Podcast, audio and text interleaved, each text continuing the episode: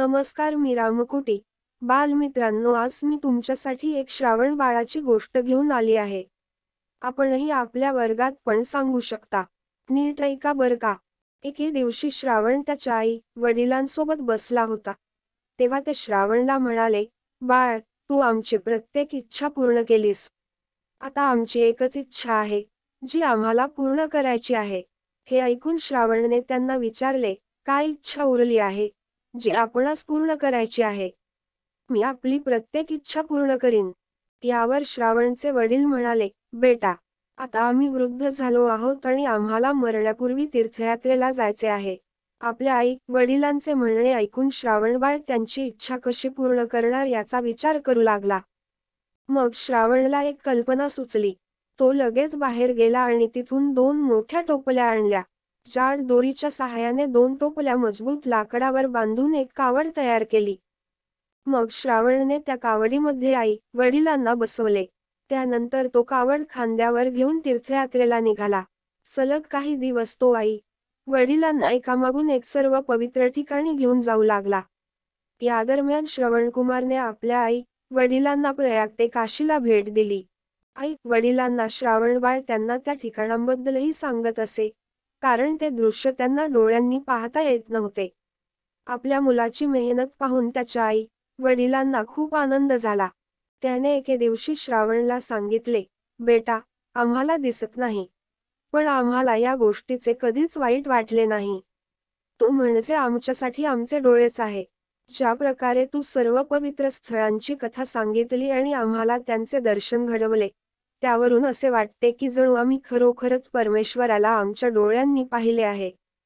श्रावणबाळ आपल्या आई वडिलांसोबत आई वडिलांचे बोलणे ऐकून श्रावण म्हणाला तुम्ही असे बोलू नका. पालक हे मुलांवर कधीच ओझे नसतात. हा मुलांचा धर्म आहे. एके दिवशी अयोध्येजवळ विश्रांतीसाठी राहिला. तेव्हा त्याच्या आईने पाणी पिण्याची इच्छा व्यक्त केली. श्रावणला जवळच एक नदी दिसली. त्याने आई वडिलांना सांगितले तुम्ही दोघे इथेच आराम करा.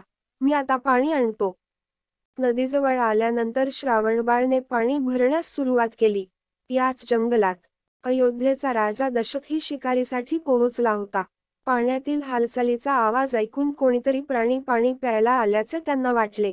आवाज ऐकूनच त्याने न पाहता बाण सोडला. दुर्दैवाने त्याचा बाण श्रावणबाळला लागला. बाण लागताच तो ओरडला. यानंतर राजा दशरथ आपली शिकार पाहण्यासाठी आला तेव्हा श्रावणबाळ होता. तो ताबडतोब श्रावणबाळ जवळ गेला आणि म्हणाला माझ्याकडून खूप मोठी चूक झाली आहे. मला क्षमा करा. इथे माणूस असेल याची मला अजिबात कल्पना नव्हती. तू मला माफ करतोस या चुकीचा पश्चाताप करण्यासाठी मी काय करावे? तेव्हा श्रावणबाळ ओरडत म्हणाला माझे आई वडील इथून थोड्याच अंतरावर जंगलात बसले आहेत. त्यांना खूप तहान लागली आहे. तुम्ही हे पाणी त्यांच्यापर्यंत पोहोचवा आणि त्यांना माझ्याबद्दल काहीही सांगू नका. हे सांगताना श्रावणबाळ मरण पावला. श्रावणबाळच्या मृत्यूने राजा दशरथ सुन्न झाला. श्रावणबाळने सांगितल्याप्रमाणे कसे तरी पाणी घेऊन तो आई वडिलांपर्यंत पोहोचला. श्रावणच्या आई वडिलांना त्यांच्या मुलाचा आवाज चांगलाच माहीत होता. राजा दशरथ त्याच्याजवळ आल्यावर त्याने आश्चर्याने विचारले तुम्ही कोण आहात आणि आमच्या श्रावणचे काय झाले? तो का आला नाही? राजा दशरथ त्यांच्या प्रश्नांची उत्तरे देऊ शकला नाही. तेव्हा श्रावणची आई काळजीत स्वरात म्हणाली तू कोण आहेस आणि माझा मुलगा कुठे आहे हे मला का सांगत नाहीस? श्रावणाच्या आईची काळजी पाहून राजा दशरथ म्हणाला हे माते मला क्षमा कर. शिकार करण्यासाठी मी मारलेला बाण थेट तुमच्या मुलाच्या श्रावणावर गेला. त्याने मला तुमच्याबद्दल सांगितले म्हणून मी पाणी घेऊन आलो. असे बोलून राजा दशरथ शांत झाला. राजा दशरथाचे बोलणे ऐकून श्रावणाची आई जोरजोरात रडू लागली.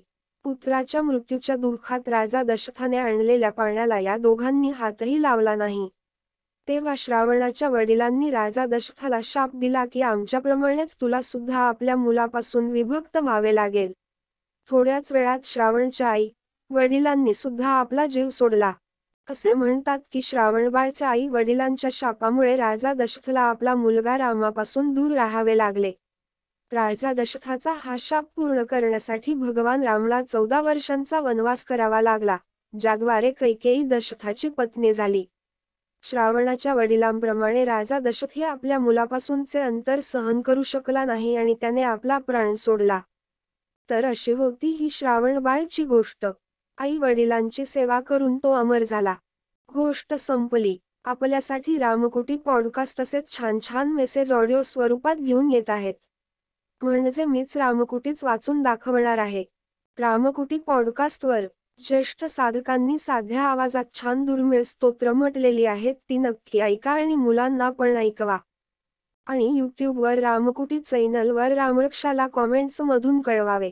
रामकुटी पॉडकास्ट आपण Apple podcast Amazon music Jio Saavn Gaana Google podcast Spotify tune in आणि यूट्यूबवर आहे. तेथे कॉमेंट करा लाईक करा आणि जगातील पॉडकास्ट पुरवणाऱ्या सर्व्हिस प्रोव्हायडरवर आपण रामकुटी सर्च करा. रामकुटीचे spelling R A M K U T I किंवा मराठीत रामकुटी. परत भेटूच. नक्की नवीन संदेश घेऊन येते. आणि हो गच्चीवर वरांड्यात पक्ष्यासाठी वाटीत पाणी ठेवा. थोडे धान्य पण बरोबर ठेवा. आपला दिवस शुभ जावो. आपलीच रामकुटी.